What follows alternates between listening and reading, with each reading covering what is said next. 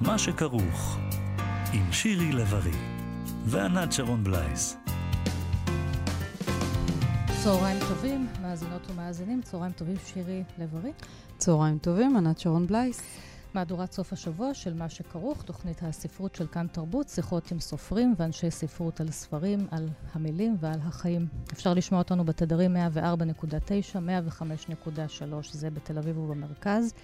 ויש לנו גם עמוד פייסבוק מפואר ועשיר בתוכן, עמוד כאן תרבות, או פלטפורמת הפודקאסטים כאן אודי, באתר האינטרנט שלנו.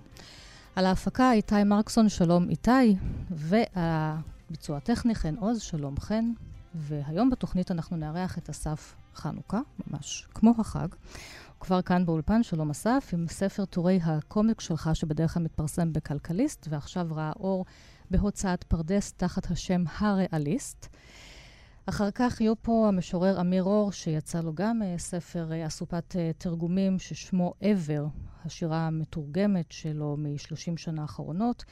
נגלה איזה ספר מונח ליד מיטתו של אהרון רזאל המוזיקאי, ונארח את הצמד עידית הרמן ואריאל ברונז, שמעלים בבית ביאליק בתל אביב את המופע "מישהו בבית". הערב תתקיים האזכרה לביאליק, שהלך לעולמו לפני 83 שנים. אבל לפני הכל, ולפני הקומיק של אסף, קומיקס אחר, וידוי. אני רוצה לדבר על קפטן תחתונים, כי הסרט עולה בדיוק היום לאקרנים ברחבי הארץ. זה סרט אנימציה שמבוסס על uh, סדרת הספרים המצליחה של דב פילקי האמריקאי. ואני חייבת לספר לכם, ענת ואסף, אתה כאן באולפן, מקומיקס לקומיקס, שאנחנו בבית נורא נהנים מהספרים האלה ונקראים מצחוק, אפילו שיש מורים ומחנכים שלא בדיוק אוהבים את הספר, ובארצות הברית גם יש איזו התמרמרות על ההצלחה הזאת. אז זה נכון שיש בו קצת אה, הומור אה, קקי פיפי, אבל הוא עדיין מאוד שנון ויש בו הרבה, הרבה ערך. אז... אה, אני רוצה בעצם לסנגר קצת על uh, קפטן תחתונים, הספרים והסרט, ולהסביר למה, למה אנחנו אוהבים אותו בבית ולא מפחדים להתגסס מדי פעם. אני לבשתי לכבודך תחתונים לבנים, כמו הקפטן. אז זהו, אז, אה, אז אה, קודם כל, יש פה חדוות קריאה פשוטה. אה, את יודעת, זה מיועד לאנשים בסך הכל צעירים, בגילאים הנכונים, נגיד חמש עד עשר, פחות או יותר. שזה פחות או יותר אנחנו. כן, אז, אז בני חמש עד עשר יודעים מי הוא קפטן תחתונים ומה יהיה העוצמה הנמתחת. רמז, זה קשור לגומי של כן. התחתונים. כן. ומכירים את הדמות העגלגלה הזאת, אז אני, אז אני חושבת שהספר הזה מעורר באמת חדוות קריאה פשוטה, סיפורים מצחיקים וכנים ונוגעים ללב על שני ילדים, ג'ורג' והרולד, שהם מעין uh, גלגול מודרני, נגיד, של מקס ומוריץ. Uh, והם uh, מתחברים על רקע דומה, כן? מש, די ברור. הסבל הנוראי שהם חווים בבית הספר היסודי על שם ג'רום חרבנוביץ', uh, ומהמנהל האכזרי שלהם, מר פיפיש. אה, וג'ורג' והרולד יוצרים ביחד חוברות קומיקס על, uh, גיבורי העל, על גיבור העל קפטן תחתונים, שהוא יצור עגלגל בתחתונים לבנים רחבים כאלה וגלימה עשויה מווילון אדום. הוא מגוחך, והוא כמובן ההפך uh, הגמור מגיבורי העל המוכרים, והכי חשוב, הוא מבוסס על הדמות של המנהל שלהם, מר פיפיש האכזר, שבנקישת אצבע אחת הופך ממר פיפיש האכזר לקפטן תחתונים טוב הלב והמשעשע. Uh, ויש את הקרב על ההומור. בסרט, למשל, שהם כאמור, עולה לאקרנים היום, יש שם פרופסור משוגע שמבקש למחוק את הצחוק מהעולם. והמלחמה שלהם זה להשאיר את הצחוק, כי הרי מה החיים שווים אה, בלי זה? אז זה גם מקדש את הנושא הזה של ההומור. וזה בדיוק החיים זה... שלך ושל אחיך. גם אתם ישבתם בבית כילדים וציירתם קומיקס. מכאן התחלתם. חוברות קומיקס שהדודה מאמריקה שלחה. וגם אתה נכון. אוהב אה, לצייר הרבה את הגלימה האדומה, ולפנטז שאתה סופרמן. אבל הסופרמן שלך הוא כן. כמובן לא גיבור על אמיתי, אלא נכון. קפטן כן. תחתונים כזה. אז אתה כותב על ההורות, ועל הקריירה, ועל הכסף, ועל החרדות, ועל הפחדים, והכמיהות, והחלומות שיש לכולנו, גברים ונשים.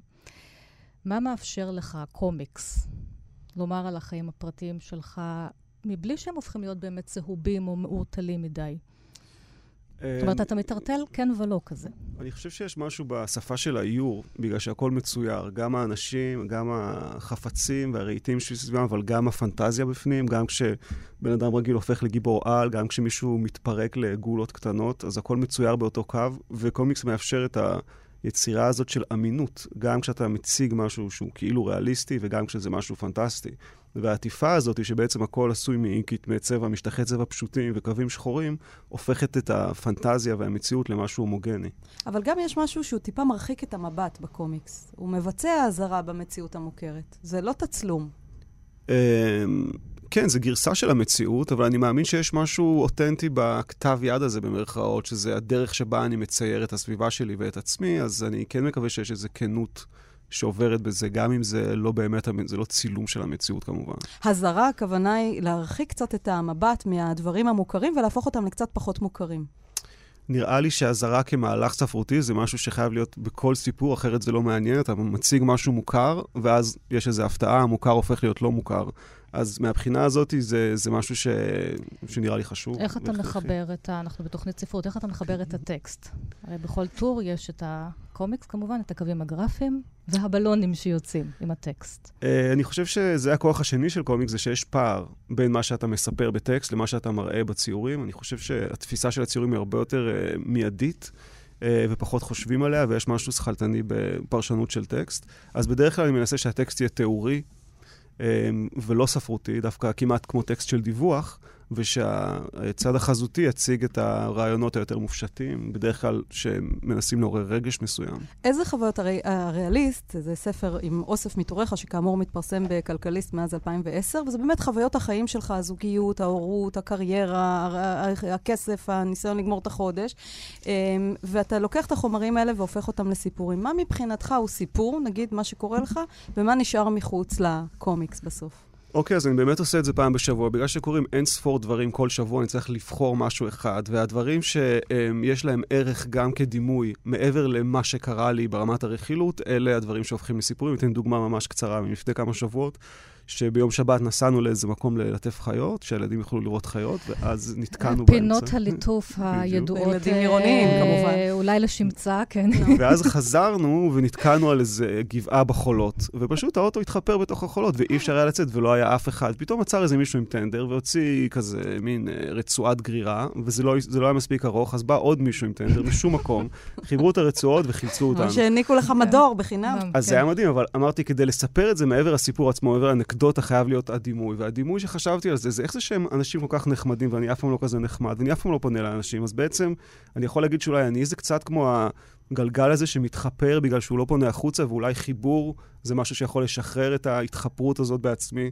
אז זו דוגמה לאיך אני מנסה למצוא בתוך הדברים ה... האנקדוטות היומיומיות, איזה משהו שהוא דימוי יותר גדול. אז כן, דיברנו על אנקדוטות יומיומיות, יש אנקדוטות אה, שנמשכות כמה ימים בחודש. אסף ואני תכננו פה מערכון. ששמו היום הזה בחודש. אז נציג אבל, לכם קטע כן. מן הספר, ואחר כך נפתח את זה קצת בכלל כן, לקומיקס בעולם. כן, כי אסף אומר שזה, דווקא הטור הזה הוא טור כן. שנשים לא כל כך אוהבות, אבל אז, אנחנו אז הולכות עליו בכל תפס, זאת. נשים חזקות. איתו, נשים חזקות אוהבות אותו. אבל איך אמרת, האם זה שנשים חזקות זה אומר שגברים חלשים? בדיוק. באחד כן. המדורים. מה אתה עושה? סתם, עובר על אימיילים. אוף, נמאס לי. מה קרה? אני לא מספיקה לעשות כלום, יש אה, כביסה וסידורים, והבית מטונף. ויש את האירוע הזה עוד יומיים. כן. תגיד לי, אתה מקשיב לי בכלל או שאתה סתם אומר כן? כן. ידעתי. כלומר, לא, ברור שאת צודקת. בכלל לא אכפת לך ממני. אתה בכלל לא אוהב אותי. מותק, זה לא נכון, זה... והאישה הופכת לזאבה, איזה מפלצת, ומה שרואים אחר כך בקומיקס בסוף זה את הגולגולת במיטה. ומי שלא הבינה, זה היום הזה בחודש, שלפעמים נמשך כמה ימים. ואני רוצה לומר גם לכל הפמיניסטיות שעוד מעט תתעוררנה, שגם אתה מצייר את עצמך לא פעם כמפלצת, אז אתן כן. יכולות אה, להירדם בחזרה. אבל אתה יודע, כן. דווקא את בחרת במדור הזה, ויש תמה בספר שעוברת uh, בכולו, בעצם על הגבריות, מה שנקרא הדרמה של הגבריות החדשה, אם להשתמש בשם כן. הספר של גבריאל בוקוב, זה זה על הגבר. המודרני, שמצד אחד עדיין הרבה מאוד מטלות על כתפיו והרבה מאוד ציפיות ממנו, ומצד שני, כן, יש לו רגשות והוא לא עומד בכל הציפיות האלה, והוא חי את הפער הזה בין הדימוי שהוא לא אמור להגיע אליו. בדיוק, הוא אנטי גיבור אפילו. נכון. אה, אני בתור מישהו שגדל על גיבורי על, והריץ גיבורי על עד גיל ממש מאוחר, אולי מאוחר מדי אפילו, אני חושב שההתפכחות שלי הייתה כואבת במיוחד, כי אני בעצם נתקעתי בתור קלאר קנט, אני אף פעם לא קיבלתי כוחות על. מתי גילית שהוא לא קיים? עם המשקפיים. אני לא בטוח שהוא לא קיים, אני לא בטוח, אני עדיין לא השלמתי עם זה לגמרי. בוא אה, נשלח אותך מבחוץ לדלת ותנסה להיכנס, אולי זה... תחזור עם הגלימה, כן. אה, לא, אני חושב שהפער הזה הוא באמת uh, מעניין אותי, וגם uh, אני בחרתי פשוט בעמדה הזאת שאנחנו מין תרבות שחוגגת ווינריות, ואנשים שעושים אקזיטים, והצלחה, והגשמה עצמית, ואני אומר מההתחלה, אני במקום השני. אני הפסדתי, אני עושה קומיקס, אני לא האלפא המושלם הזה, אני ההפך, אז כאילו, ועכשיו אני מדווח לכם, ודווקא בגלל שבקומיקס יש משהו קליל ומיידי, אני מרגיש שזה קצת אה, מישהו שכותב לך מהמחתרת, אני לא צריך תקציבי ענק, אני לא צריך שזה יהיה מסחרי, אני יכול לעשות מה שאני רוצה, אז מאפשר לי גם להעביר את המסרים האלה שהם יותר בעייתיים ופחות מקובלים. כמו דוסטויבסקי, כתבים מן המרתף. אבל בואו רגע נפתח את זה. הכתיבה הזאת, הקומיקסאית וגם רומנים גרפיים למבוגרים, הפכו מאוד פופולריים אה, משנות ה-80, בואו נגיד. זה לא הקומיקס של שנות ה-30 של גיבורי העל, זה התחיל עם ספר שמאוד מפורסם בשם מאוס, שגם תורגם לעברית, של ארט ספיגלמן. שהוא מצא דרך חדשה לתאר את הזיכרונות של אבא שלו במחנות, מחנות ההשמדה. וגם את היחסים הטעונים עם אבא שלו. כן, גם מישל קישקה עשה את זה פה לפני כמה שנים. עם ספר שנקרא הדור שני, או הדור השני. עכשיו, התהודה הראשונה הייתה, אוי ואבוי, מי עושה קומיקס מאושוויץ? מי עושה את היהודים עכברים כן, וכולי, הרי כולם שם בעלי חיים עם מצד שני, זו הייתה דרך מרתקת לנסח את הזיכרון מחדש וגם להעביר אותו לדור חדש. ופה בארץ גם רומנים גרפיים וקומיקס פורח. יש הרבה קומיקסאיות, אגב. שוב, רוקחים את החיים כן. האישיים אל תוך הקומיקס. אם זאת אילנה זפרן, אם זאת רוטו, כמובן הדברים שאתה עושה מגיל מאוד צעיר. דניאלה לונדון, נכון. שגם לה יש, לכולן יש, או פרסמו ספרים. מה זאת התופעה הזאת? אני חושב שדלות החומר מאפשרת לכנות לצוף אה, ולצאת. דלות לצוף. החומר זה הקומיקס? יש משהו דל, כשאת משווה את זה לסרט קולנוע okay. אוקיי. עם כינורות ו-20 תסריטאים שכזה שפשפו את השפיץ הדרמטי כדי שהכל יהיה מושלם. אז כן, אז עמוד קומיקס זה דל יחסית לכל סוגי, נגיד, סיפורים אחרים שאפשר לצרוך היום. אבל דווקא הדלות הזאת היא מאפשרת לכנות לצאת ולאיזה קול אחד להתבטא. אז באמת יש המון כנות, יש חרדות ויש כמיהות וחלומות ורגשות אשם, באמת אה, הרבה כנות במדורים האלה. ואני, הספר הזה, הריאליסט, גם תורגם לתשע שפות וזכה להרבה הצלחה בעולם. זכית גם בפרסים, בפרס אייזנר, שהוא כאילו האוסקר של, אה, של המאיירים. Uh, ובכל זאת, יש בו משהו נורא נורא ישראלי. ואני שואלת אותך אם יש לך רעיון להסביר למה זה חיי היום-יום של גבר ישראלי צעיר עם שני ילדים ואישה וצריך לגמור את החודש, איך זה בעצם מדבר בצרפתית ובגרמנית ובשאר השפות.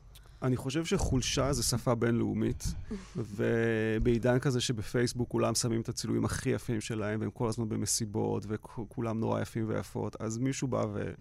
והופך את החולשות שלו לסיפורים, נראה לי שזה משהו שמעורר אמפתיה ומעורר הזדהות. זה כאילו, זה אולי מין הנישה שלי קצת, שזה יוצא דופן. ש... איך, כן, איך אתה הגעת אל הקומיקס? דיברנו קודם על הדמויות, על ג'ורג' והרולד, שני ילדים שיושבים בחדר ומציירים קומיקס, כי החיים בבית ספר איומים ונוראים.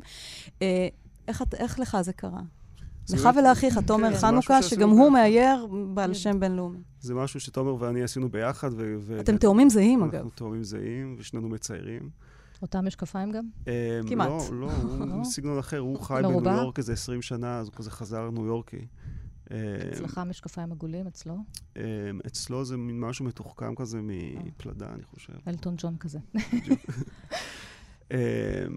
אז אה, נראה לי שבתור אה, נער יחסית, אה, נגיד, מופנם ועצור, אז גם ההזדהות הטוטאלית עם ההפך, שזה היה גיבורי על, וגם הביטוי דרך הציור.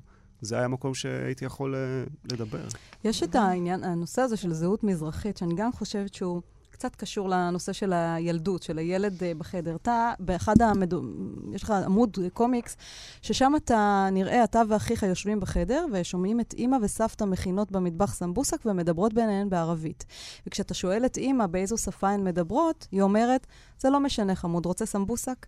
ואז אתה uh, כותב שהסיפור הזה בעצם מתייחס לנושא של גיבורי על וזהות סודית, כי כמעט לכל גיבור על כמובן יש זהות סודית, ואצלך הזהות הסודית קשורה במזרחיות או בערביות.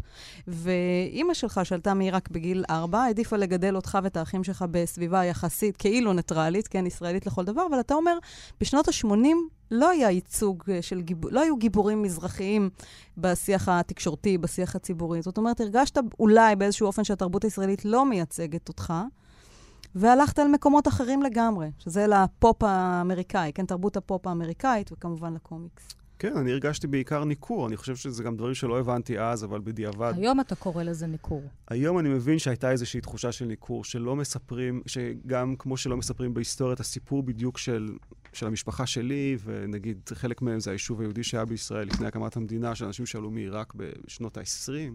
אני לא ידעתי על זה כלום. ואותו דבר, אנשים שאתה רואה בטלוויזיה, ואף אחד לא נראה כמו המשפחה שלך, ולאף אחד אין שם משפחה כמו שם משפחה שלך. אז ברור שהייתה איזו קבוצה שהשתייכתי אליה, שהייתה מחוץ למשחק. סודית. אבל, אבל היה אסור לדבר על זה.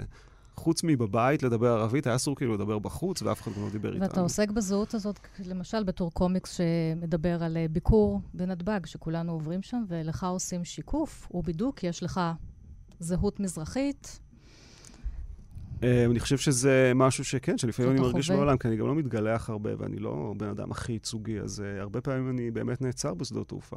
שואלים אותנו פה איפה גדלת, אז אולי נבהיר לצורך העניין, זה ליד בר אילן, נכון? כן. בכפר אילן?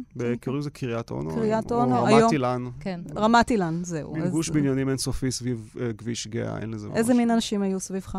אמ, אנשים נחמדים, רובם. לא, אני אומרת, לא, לא, לא, לא הרבה דוברי ערבית, לצורך העניין. לא, ברור שלא. לא, גם אני לא דובר ערבית. זה רק היה משהו כזה שקרה בין אימא שלי לסבתא שלי, בין הדודים שלי. כן. כן, כזה. אמ, טוב, עכשיו אה, אנחנו נראה לי עוברים, אה, הוא כבר מחזיק את החפץ, אה, לפינה שלנו, עת לכל חפץ. מעברון בבקשה.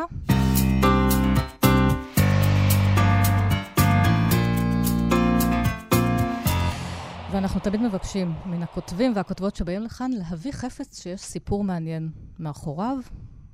בבקשה, אסף, מה זה...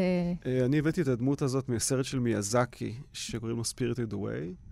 אה, מין רוח רפאים קטנה כזאת. כן, בסרט בעצם זה מין אה, גוש שחור של זפת שהוא אמורפי, ותוך כדי הסיפור הוא נהיה יותר ויותר מאיים וגדול, ויש לו מסכה כזאת של... אה, משהו די ניטרלי וחמוד אפילו. כמו איזה פיירו כזה הוא נראה אפילו, המסכה אה, הזאת. משהו כזה, כן, זה גם נכון. כאלה. קצת צרפתי. כן. אבל אה, זה משהו שהבן שלי קנה, באיזושהי חנות כזאת של בובות, ואני הייתי גאה בו מאוד, שהיה כאילו יכול לבחור ספיידרמן, אבל הוא בחר דמות ממיאזקי, אז אמרתי, החינוך הצליח, ואז שאלתי אותו על כן. זה, והוא אמר שהיה לו חלום שאני זה הדמות הזאת.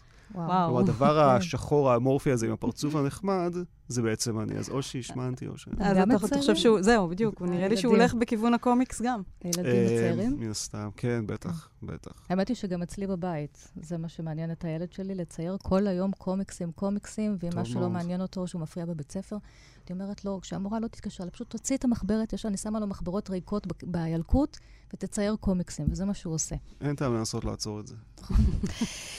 אז איזה שיר בחרת לנו? לסיום השיר. Uh, בחרתי את השיר של uh, ג'וני קאש הרט. Uh, האמת שעשיתי פה תרגיל קצת מלוכלך, כי בעצם בחרתי את זה בגלל שזה השיר של הטריילר של הסרט לוגן, שזה הסרט על וולברין, ששם וולברין, שהוא גיבור מהאקסמן, כאילו פוגש את הבת שלו, זה יותר מורכב מזה, אבל בעצם יש מין ילדה קטנה שהוא הופך להיות אבא שלה תוך כדי הסרט. אה, ובחרתי את זה כי גם לי יש ילדה קטנה שלימדה אותי כאילו שגם דברים חמודים זה מגניב, ולא רק צריך להיות קשוח, וגם כי אני חושב שפעם הייתי וולברין, כמו בסרט, ונורא נורא הזדקנתי ושכחתי איך להיות. עד כמה קומיקס זה בריחה מהמציאות וכמה הוא תשובה למציאות? אני חושב שקומיקס זה המציאות. ובזאת נסיים, תשובה מוחצת. תודה רבה. אסף חנוכה עם הספר הריאליסט, טורי הקומיקס שלך, שיצא בהוצאת פרדס. תודה רבה. תודה רבה. שהיית כאן.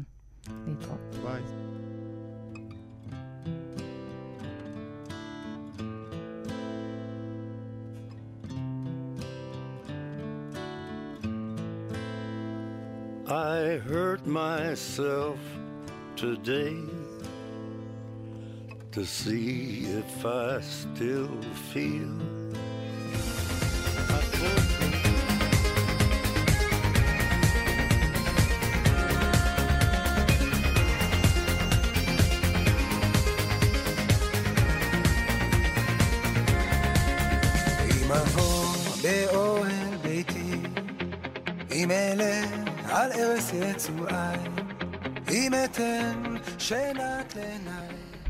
ואנחנו עכשיו בפינתנו ספר ליד המיטה, אנחנו שומעים את אהרון רזאל ברקע, ואיתו שוחחנו לשמוע מה יש לו ליד המיטה.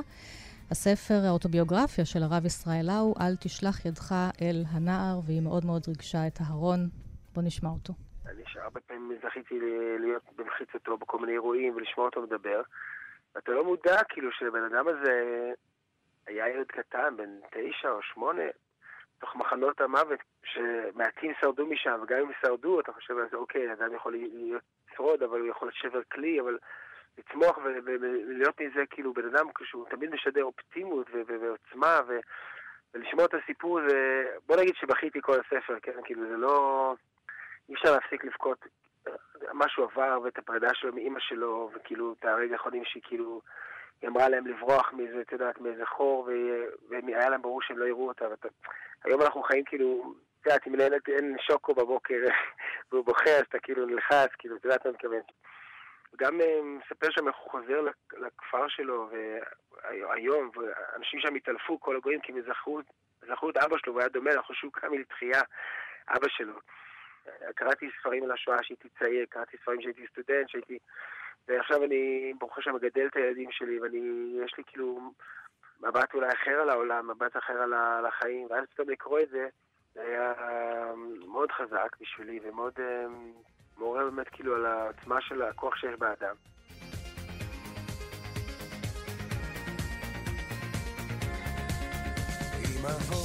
באוהל ביתי, אם אלה על ערש יצואי, אם אתן שנת לעיניי, לעפעפי תנומה.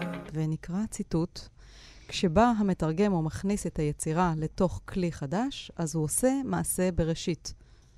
אמר חיים נחמן ביאליק על מלאכת התרגום, וזאת אמירה אופטימית שלו, כי הוא גם אמר על מלאכת התרגום שהיא הנשיקה מבעד למטפחת. כלומר, משהו בגוף, במגע, הולך לאיבוד כאשר מעבירים יצירה משפה אחת לשפה אחרת. אז הדילמה הזאת, מאז ראשית ימי התרגום היא כזאת, האם לנהוג בנאמנות עיוורת בשפת המקור, או לבגוד בה קצת. ואיתנו יושב המשורר והמתרגם אמיר אור. שלום, אמיר. שלום רב. ואתה פרסמת בימים אלה את הספר ever, שבו יש מקבץ uh, תרגומים שלך מ-30, מ-1987 עד 2017, מן הקלאסיקה. 30 שנות 30 תרגום שנות שירה. מן הקלאסיקה ועד ימינו, מיוונית ואכדית וסנסקריט ועד אנגלית. והשם הזה כל כך יפה, ever, כי יש בו גם את העברית, שאליה אתה מעביר את השירים, וגם את העברה באמת. המעבר. כן, נכון. איך הוא הגיע אליך, השם הזה, אגב? ככה פתאום? בחזון הלילה, בשרפים, את יודעת. כן. לא, אבל זה באמת הייתה מין התגלות כזאת? אה, כן, השם זה משהו שאתה מחפש, עד כן. שיש לך פתאום, אה, פתאום אתה יודע שזה זה. רגע, לפני שנדבר על התרגום עצמו, אה, אתה מכיר הרבה שפות, ואתה מכיר אותן מהפריזמה הפואטית שלהן. איך אתה ניגש לשפה חדשה, כשאתה מגיע לתרגם מסנסקריט או מיוונית? איך אתה מתוודע אליה? סנסקריט... איזה קצה חוט יש לך? סנסקריט אני לא יודע, זה תרגומים שנעשו מאנגלית בהסתייעות, בדוד שולמן ואחרים. אה, יוונית עתיקה למדתי, אה, ואני רציתי לקרוא את ספו ואת הרקליטוס במקור אה, כבר כשבשנות ה-20 שלי. והלכתי לאוניברסיטה ולמדתי רק את זה, כן? הלכתי ללמוד יוונית, וקראתי את ספו והרקליטוס במקור. ולאט לאט מאותו גיל גם התחלת לתרגם אותם, כי זה כבר תרגומים ישנים שלך, תרגומים מיוונית. חלק, חלק, חלק uh, חדשים יותר, חלק, uh, אבל זה התחיל אז, את צודקת. והדבר הראשון שתרגמתי בעצם זה היה הבשורה על פתאומה, כן. uh, עם היוונית uh, שלמדתי אז. ואתה מצטט בפתח הדבר בספר שלך, שהוא מאוד מעניין, והוא עוסק במהות של התרגום. Uh, אתה אומר שמצטט אנשים, אנחנו ציטטנו קודם את ביאליק, ואתה מצטט uh, אחרים שאומרים, התרגום הוא במיטבו הד, או תרגום הוא אומנות הכישלון. כלומר, כל כך הרבה מתרגמים מדברים על התרגום כמשהו שהוא תמיד צדוק, הוא לא מושלם, הנשיקה מבעד למטפחת. מה התובנה שיש לך אחרי 30 שנה שאתה עושה את זה? אני חושב שלהגיד שתרגום מאומנות הכישלון זה סוג של מניירה. כי ברור שהתרגום הוא לא העתק של המקור. אי אפשר, אפשר להעתיק את המקור רק בשפת המקור. ברגע שאתה יוצר את זה מחדש בשפת היד, זו יצירה. וזה אמרה מרגרית יורסנר, ויפה מאוד. אמר, היא אמרה, תרגום הוא יצירה.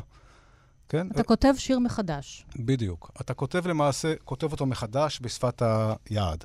עכשיו, נכון, אתה מנסה לשמור כמה שיותר מהמקור, לא רק מבחינת התוכן, אלא גם מבחינת אולי המשקל והחריזה והאווירה והגיאוגרפיה, וצריך לתרגם המון דברים, כן? את המשלב הלשוני, את התקופה וכן הלאה. זאת אומרת, אתה צריך להעביר גם באמת את כל התרבות או התקופה לתוך שפת היעד. עד כמה שאפשר. זה לא רק להעתיק, אה, לתרגם אה, מילים. אז אמרנו מה, אז התרגום הראשון היה בשורה על פתאומה. התרגום הראשון מיוונית. מיוונית. אתה כן. זוכר מה היה התרגום הראשון בכלל שלך שעשית? אה, אני חושב שזה היה מאנגלית אמצעית. זה היה מלחש לילה של... לחש לילה עתיק מהמאה השמינית לספירה, שנשמע ככה, דמונו מיכט, הירידן או ניכט, וויניידר סוואר נפר נליכט, היסוך דמר, היפון דמר, היבון דמר והרן הר, וכולי. אנחנו יכולות לפרוש בשיא, כן, תרגום. לא, אבל לעומת זאת, יש לך גם קשר לשירה היפנית. ענת, את בחרת לנו שיר נורא נורא יפה שאמיר תרגם מיפנית, ביחד עם עוד...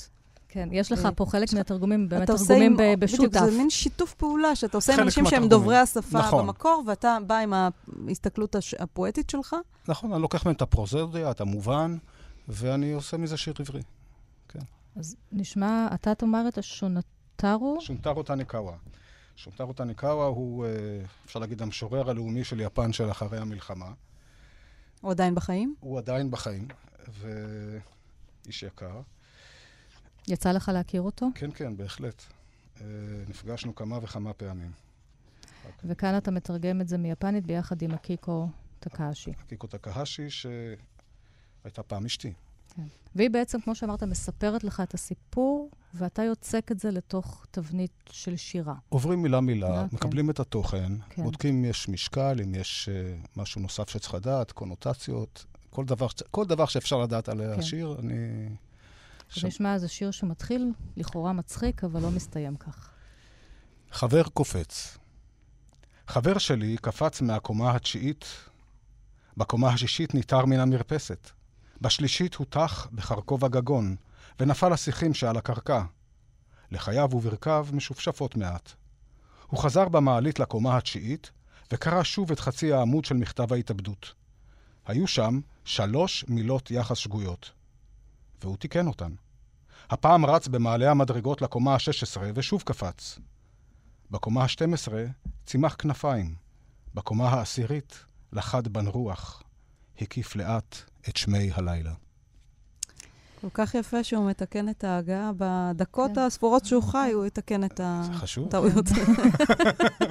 מוכר. איך אתה מגיע אל השירה? זאת אומרת, אם אתה לא קורא יפנית שוטפת, לא דובר, איך אתה קורא את השירים האלה? את הניקאווה קראתי באנגלית, קודם כל. באנגלית? כן. טניקאווה תורגם להרבה מאוד שפות, אנגלית בוודאי. ואז משהו שמוצא חן בעיניך, ואתה הולך אל אה, מישהו שדובר יפנית ומביא אותו אל העברית. כן, כן, למעשה תרגמתי ספר שלם של טניקאווה. אמ, אתה יכול לדבר על איזשהו תהליך שעברת כמתרגם? כי בטוח עברת תהליכים מנקודת הפתיחה ועד היום. אה, יש משהו, למרבית ההפתעה, שנשאר אותו דבר מההתחלה ועד היום. אה, כי הסקרנות שלי בתרגום זה לא רק לראות את זה, איך זה פתאום בעברית, אלא ללבוש קצת את האישיות של המתורגם. אה, להיות קצת צפו, להיות קצת טניקאווה. אה, זה קצת כמו פייר מנר מחברו כן. של דון קיחוטה, כן? בדיוק. בסיפור של בורכס, על כן. אדם שמחליט לכתוב מחדש את דון קיחוטה. בדיוק, נכון מאוד. זאת אומרת, כן. יש פה גם עניין של זהויות בעצם. סוג נכון. של לחיות קצת, או להרגיש את החיים שלהם כדי לעשות איזשהו תרגום אה, אמין. בדיוק, ובגלל זה זו הרפתקה, זה משהו שאותי הוא מרתק. אבל איך זה מתנגש, נגיד אתה, שאתה משורר, איך זה, כן. אם זה מתנגש בכלל עם היצירה העצמאית שלך, כשאתה שואל זהויות מאחרים? גם כמשורר, אני לא משורר של uh, נוסחה אחת שאיתה אני רץ uh, 40 שנה, אלא אני מחדש את עצמי כל הזמן ומחפש דרכי ביטוי שיתאימו למה שיש לי לומר. אני אגיד לך גם למה אנחנו שואלות את זה, כי בימים אלה גם ראה אור ספר של מסות על אה, תרגומים של שמעון זנדבנק, חתן פרס ישראל. לעשות שיר משיר, ושם הוא באמת מדבר על ההיסטוריה של התרגום גם לעברית. אז למשל, ידוע הדבר המשעשע הזה שרומאו ויוליה היו פה רם ויעל. זלקינסון. אה, כן. ניסו לא מעט אנשים אה, בזמנו לייהד כל מיני תרגומים מהלועזית, או לשים להם לשון מקראי, דברים שבאמת אין בינם לבין המקור שום קשר.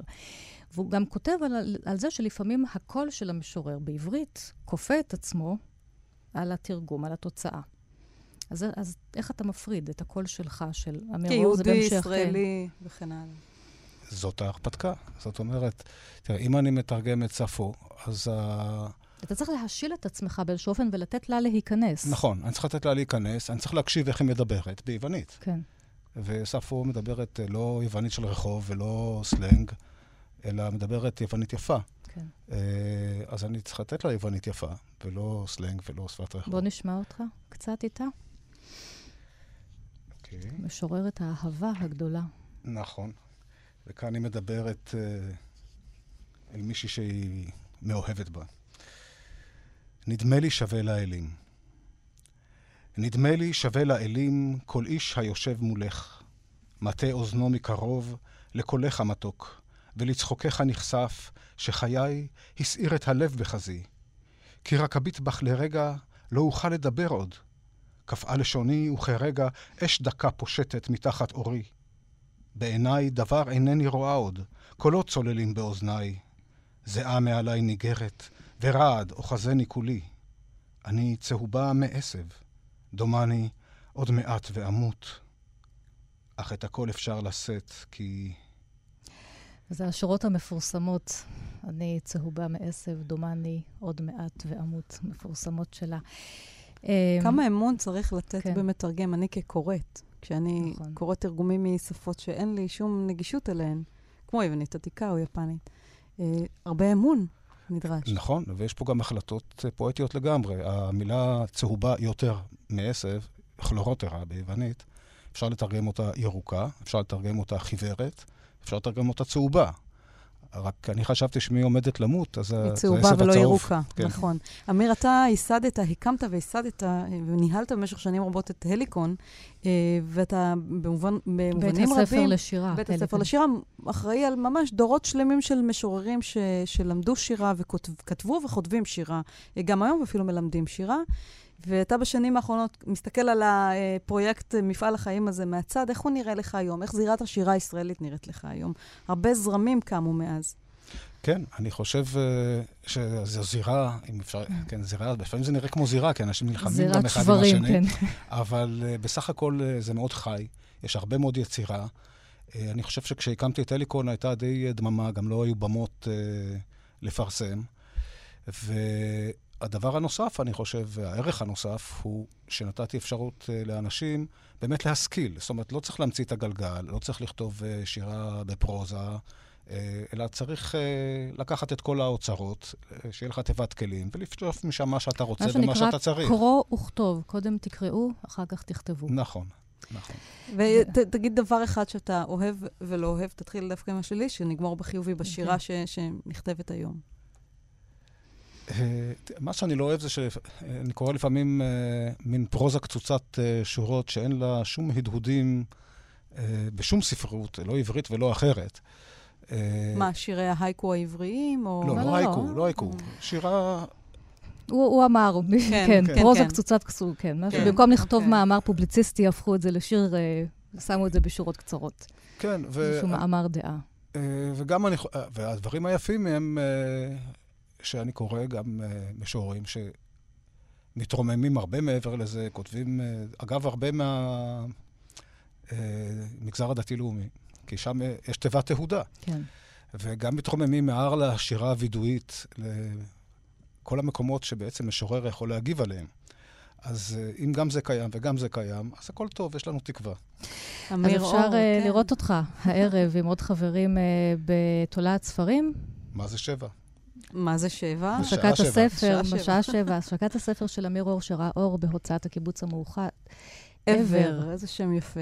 שם נפלא. לאוסף תרגומי שירה מ-30 שנות תרגומים. ואנחנו התחלנו את השיחה איתך עם ביאליק, שגם היה מתרגם נפלא, כי עוד מעט אנחנו נעשה לו פה יורצייט. אז נשמע עכשיו קצת את שיר של ביאליק, ותודה, אמיר, להתראות. תודה רבה, להתראות.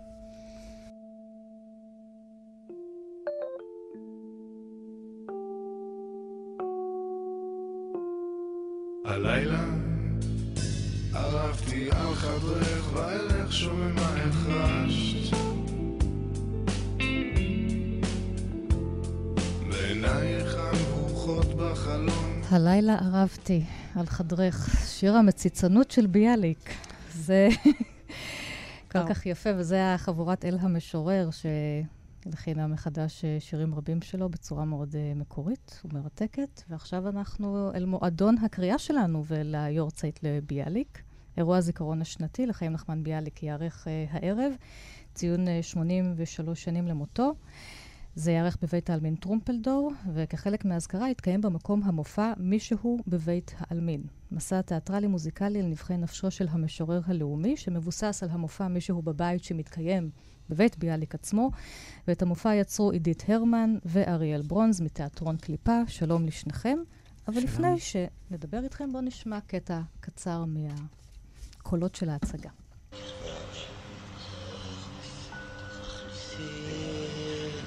תחת כנפי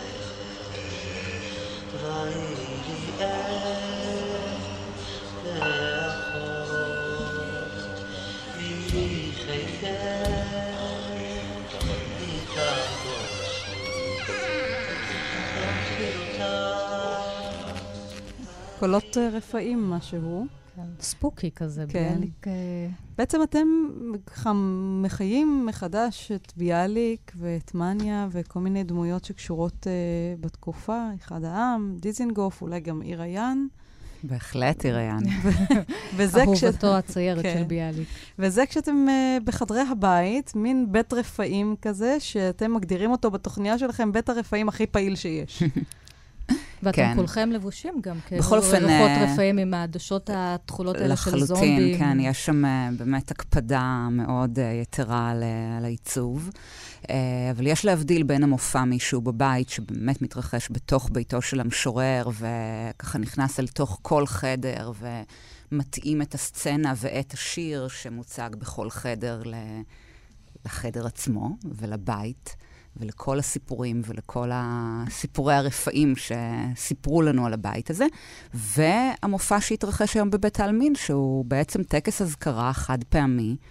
אה, וכן, שטרחנו עליו אה, לא מעט. אז רגע, אז תכף נדבר עליו, אבל אולי באמת להבין את הקונספט, את הרעיון של המופע הזה, והמופע והמופע ערב, זה הטקסטים שאתם מדברים אותם, הם, הם מתוך ארכיון, מתוך מכתבים אותנטיים, שהוא כתב, שכתבו לו. איך בניתם את זה? אני איך... אתן את הרשות לאריאל, כן. כי אריאל ערך וכתב את הטקסטים, אז הוא יודע איך הוא בנה את זה. אז בילית כמה אה, שעות עם אבנרי. כן, ביליתי כמה וכמה שעות עם שמואל אבנרי, שהוא בעצם אה, המקורב ביותר לחיים נחמן. הוא נציגו בעצם. כן. נציגו עלי אדמות. כן. אמ, איך בחרתם את הטקסטים? בעצם הטקסטים אה, שנבחרו, אה, כן קיבלנו משמואל כמות פשוט בלתי הגיונית של חומרים ומכתבים. ומתוך זה אה, בעצם היינו צריכים אה, לערוך ולאבד את, אה, את מלוא דמותו של המשורר בלי לכתוב. יש לך פה דפים, אתה רוצה אולי לקרוא כן, לנו איזשהו אשמח. קטע מאחד הטקסטים? אני רוצה לומר שבסופו של דבר יצא שהתמקדנו בנושא אהבה ויחסים. כן, מן אה, הסתם אצל ביאליק. לאו דווקא, כי כל האזכרות הקודמות, וחקרנו לא מעט על האזכרות הקודמות שלו, אה, התמקדו בנושאים שברומו של עולם, ואנחנו דווקא... נושאים הלאומיים, המשורר כן, הלאומי, בדיוק. הפוליטיקה, השפה. וההריגה. כן. נכון. ואנחנו דווקא בחרנו להתמקד ב, באמת בוויכוח הזה שלו עם אחד העם, על... אה, הרי אחד העם האשים אותו שהוא כותב ממש שירים אירוטיים ושירים נלוזים. אז uh, בחרנו להסתובב סביב, ה, סביב העניין הזה של, uh, של מהי אהבה ומהם הפנים המודרניות שלה בכתיבה. ומעבר לזה, גם יש לציין שגם יש uh, בתוך המופע ביקורת uh, שמופנית מאחד העם, מרבניצקי, מדיזינגוף, uh, כלפי ביאליק. מה למשל? כן, אנשים לא מרוצים ממנו. למה? Uh, אם זה בעצם... דמות מאוד בעייתית, בסך הכל. uh, ההתחלה שלו, שהוא התחיל uh, בתור uh, משורר מאוד מאוד אישי, ובשירי האהבה שלו, שלא היו מקובלים כהנה וכהנה בש, בשום חוג באודסה שמכבד את עצמו. אנחנו מנסים להקים פה מדינה ציונית, והוא מתעסק כן. בלבבות. אז רגע, אז תקרא לנו... ומה עוד? כן. איזה עוד טיעונים? זו הייתה הטענה המרכזית נגדו של אה, של רבניצקי ו... לא, לא רק. אותו רבניצקי שכתב איתו, אגב, את ספר האגדה, הם היו חברים בלב ובנפש. כן. לא... הם היו, כן, כן, כן. בשר אחד. יש כן. ציטוט אפילו שלו שהוא מתאר את, בעצם כשדיזינגוף רוצה לקנות את הציור המפורסם שבהם הם... שבו הם עמלים על ההגדה, אז uh, ביאליק אומר לו, איך אני יכול, uh, כשאנחנו בשר אחד, ותראה את הקרחת שלו והקרחת שלי משתקפות זה אל מול זו. טוב, אז אני סקרנית, יש לך פה ערימת דפים. כן. תקרא לנו קצת. אז מה... ממש על כן. קצה המזלג, זה בעצם מתוך ציטוט של ביאליק, שהוא בעצם נתן כתשובה לפרופסור לגניזה, שבעצם אמר שהשירה העכשווית באותה תקופה היא כצואה רותחת. אז אה, אדונים, אתם אומרים שהספרות החדשה נידונה בצואה רותחת. כעת הצואה עודה רותחת, אבל לאחר 300 שנה, כשהצואה תקפא ותהיה לגללים, אזי יקומו הפרופסורים לחטט בגללים אלה. אין רואים את הרוח, אלא היא הנוהגת את הספינה, ולא הסמרטוטים האלה המתנפנפים מעל התורן לעיני כל. אנחנו בדיוק, בדיוק דיברו פה השבוע אצלנו בכאן תרבות לא, לא מעט על זה שרוצים לסגור את החוגים, אה, חוג לספרות עברית באוניברסיטה העברית, הנה הפרופסורים, אבל כן, הרוח, הרוח הרי תהיה חזקה ותנצח את כולנו. רוצים לסגור את אה, כל כולנו. התרבות. מי כל צריך? טוב, עכשיו, אתם לוקחים היום את המופע שאתם עושים אותו באמת בחדרים של בית ביאליק, שהוא לעצמו, כשלעצמו גם מופע מאוד ספוקי ומרתק, באמת, אה, לראות את ביאליק מחדש. שגם נשען על מחקר מעמיק כן. על חייו. ואתם ו... הולכים עם כל הספוקיות הזאת אל בית קברות. אל המקום הספוקי ביותר בתל אביב. כן.